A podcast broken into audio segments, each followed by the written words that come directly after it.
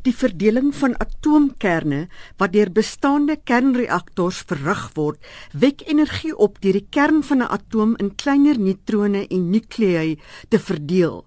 Terwyl die klowing uiters doeltreffend is, is die hoeveelheid energie wat vrygestel word miljoene kere meer bruikbaar per massa as met steenkool. Maar dit vereis noukeurige en duur bestuur van gevaarlike en radioaktiewe afval.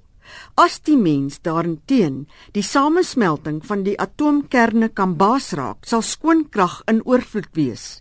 Wetenskaplikes werk reeds in die laaste 60 jaar daaraan, maar kom telkens teen betekenisvolle struikelblokke te staan.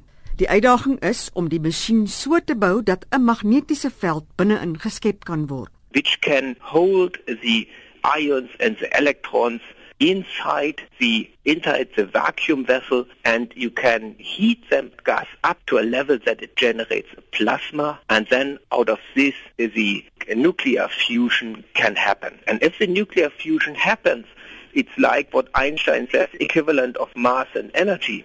Then you can generate very small amount of gas to generate helium and then energy out of this Jelinek sê die masjien kan aanhoudend golwe skep op 'n eenvoudige manier 'n magnetiese veld skep en ook die plasma beter huisves. Daar is baie uitdagings in die bou van die toerusting wat by die Instituut vir Plasmafisika in Greifswald, Duitsland gebeur. And the most difficult issue, the magnetic coils and the plasma vessel has an extreme complex form.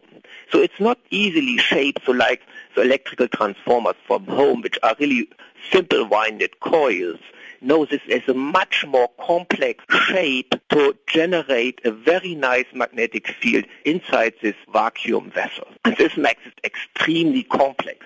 Also in the size of this stellarator, which is of several meters in size. Die mikrogolf verhittingstelsel wat nodig is, kompliseer die proses verder.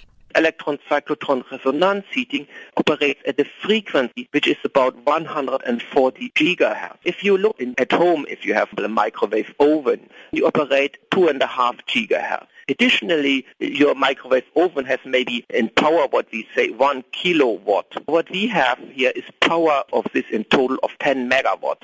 So it's 10,000 times more as in your microwave oven, kitchen oven, and frequency is nearly 50 to 100 times higher than that in your microwave oven. John Jelinek 'n fisikus van die Karlsruhe Instituut van Tegnologie in Duitsland, sê hy skat dat die tegnologie teen die middel van die eeu beskikbaar sal wees.